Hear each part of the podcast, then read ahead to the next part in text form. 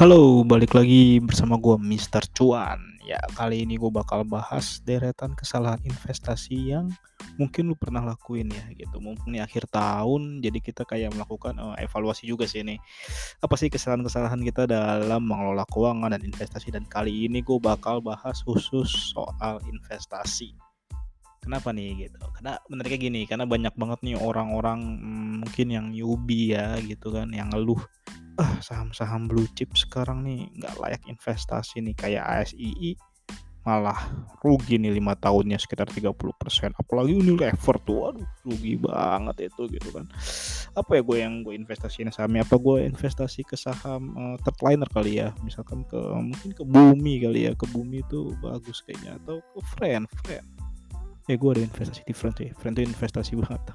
Nanti gue akan ceritakan kenapa kok gue bertahan di friend. Bahkan gue sempat average down misalkan jadi kayak sekarang wah mendingan gue investasi di yang third deh. Misalkan sehari dapat cuan daripada di blue chip lama-lama malah rugi gitu kan. Nah ini konsepnya udah salah banget semuanya lah. Pusing gue juga pas bacanya. Waduh kok ada yang komentar kayak gini gitu kan. Iya jadi apa aja sih kesalahan investasi yang pernah atau mungkin yang sering kita lakukan pertama kita tuh menyamakan investasi dan trading. Kita ngelihat ada ya banyak lah ya eh, orang-orang misalkan pamer cuan hmm, beli sehari jual langsung kemudian kayak scalping gitu cuannya 5% misalkan atau enggak dapat dapat ara 20% gitu kan. Wah kita wih enak banget ya dalam waktu sehari bisa 20% ya gitu. Sedangkan gue investasi ya ampun setahun aja cuman satu persen satu persen naiknya. Itu pun kadang-kadang minus gitu kan. Nah kita langsung berpikir ah enakan kayak mereka ya gitu. Nah di sini konsep yang salah adalah bedanya konsep trading dan uh, investasi. Trading tuh ibaratnya ya gue jual beli barang dalam sehari, dalam sebulan dengan tujuan ya gue pengen dapat capital gain gitu. Sedangkan investasi adalah lu emang percaya sama uh, emiten atau bisnisnya gitu.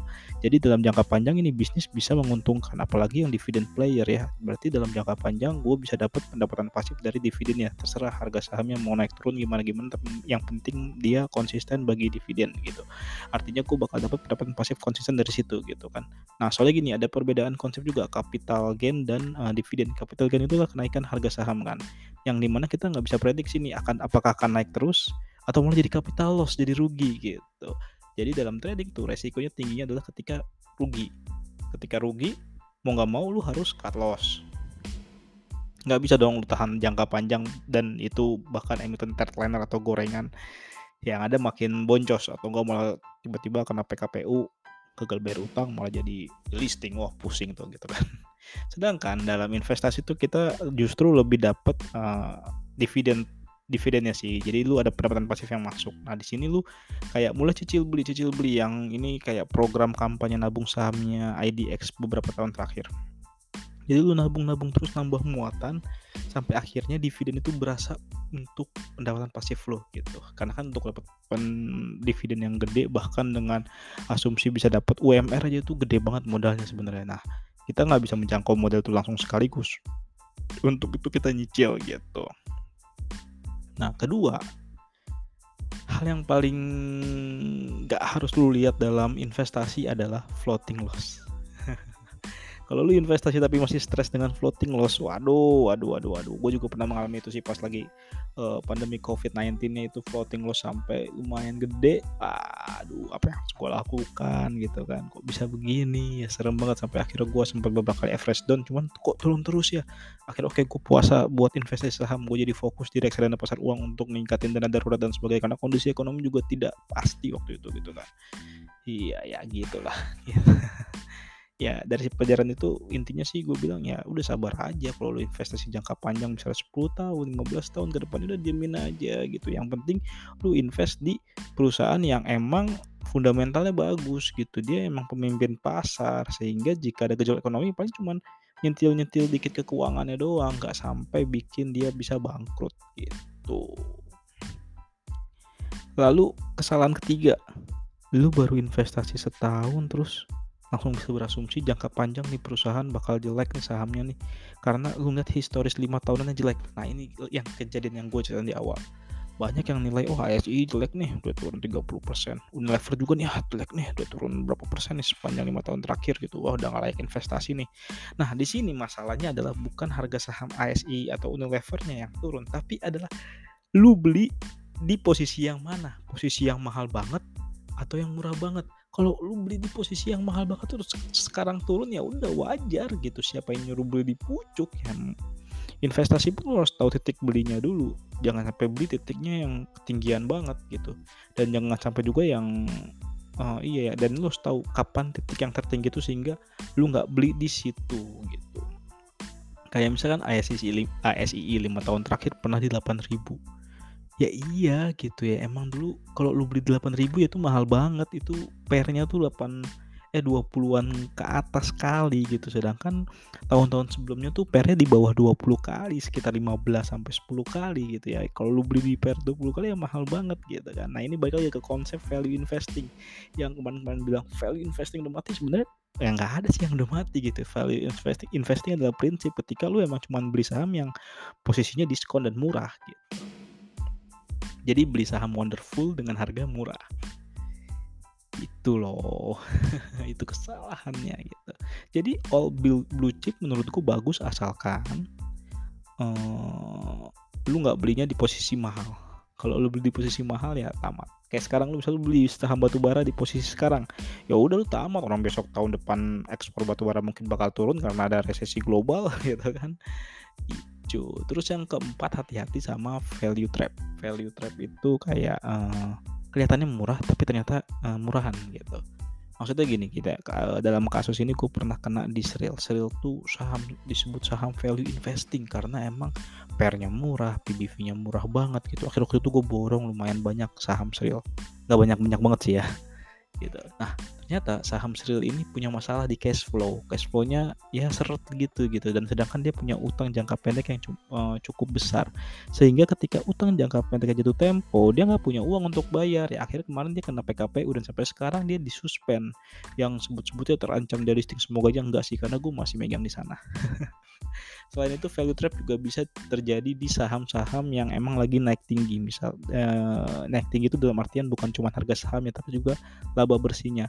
Dalam artian kayak kasus di saham batubara. Kan kita tahu wah kalau saham batubara bisa menggunakan valuasi eh, price earning to ratio gitu gitu kan kalau price earning to ratio itu kan membandingkan harga saham dengan uh, laba bersih ya. Nah, sekarang kita lihat laba bersih laba bersihnya emiten batu bara tuh gede-gede banget naiknya bisa sampai ribuan persen gitu. Sedangkan harga sahamnya cuma naik sekitar paling uh, seratusan persen. Artinya ketika dihitung menggunakan per rasionya menjadi lebih kecil dan kita bisa jadi salah asumsi wah ini masih murah padahal mah udah enggak gitu.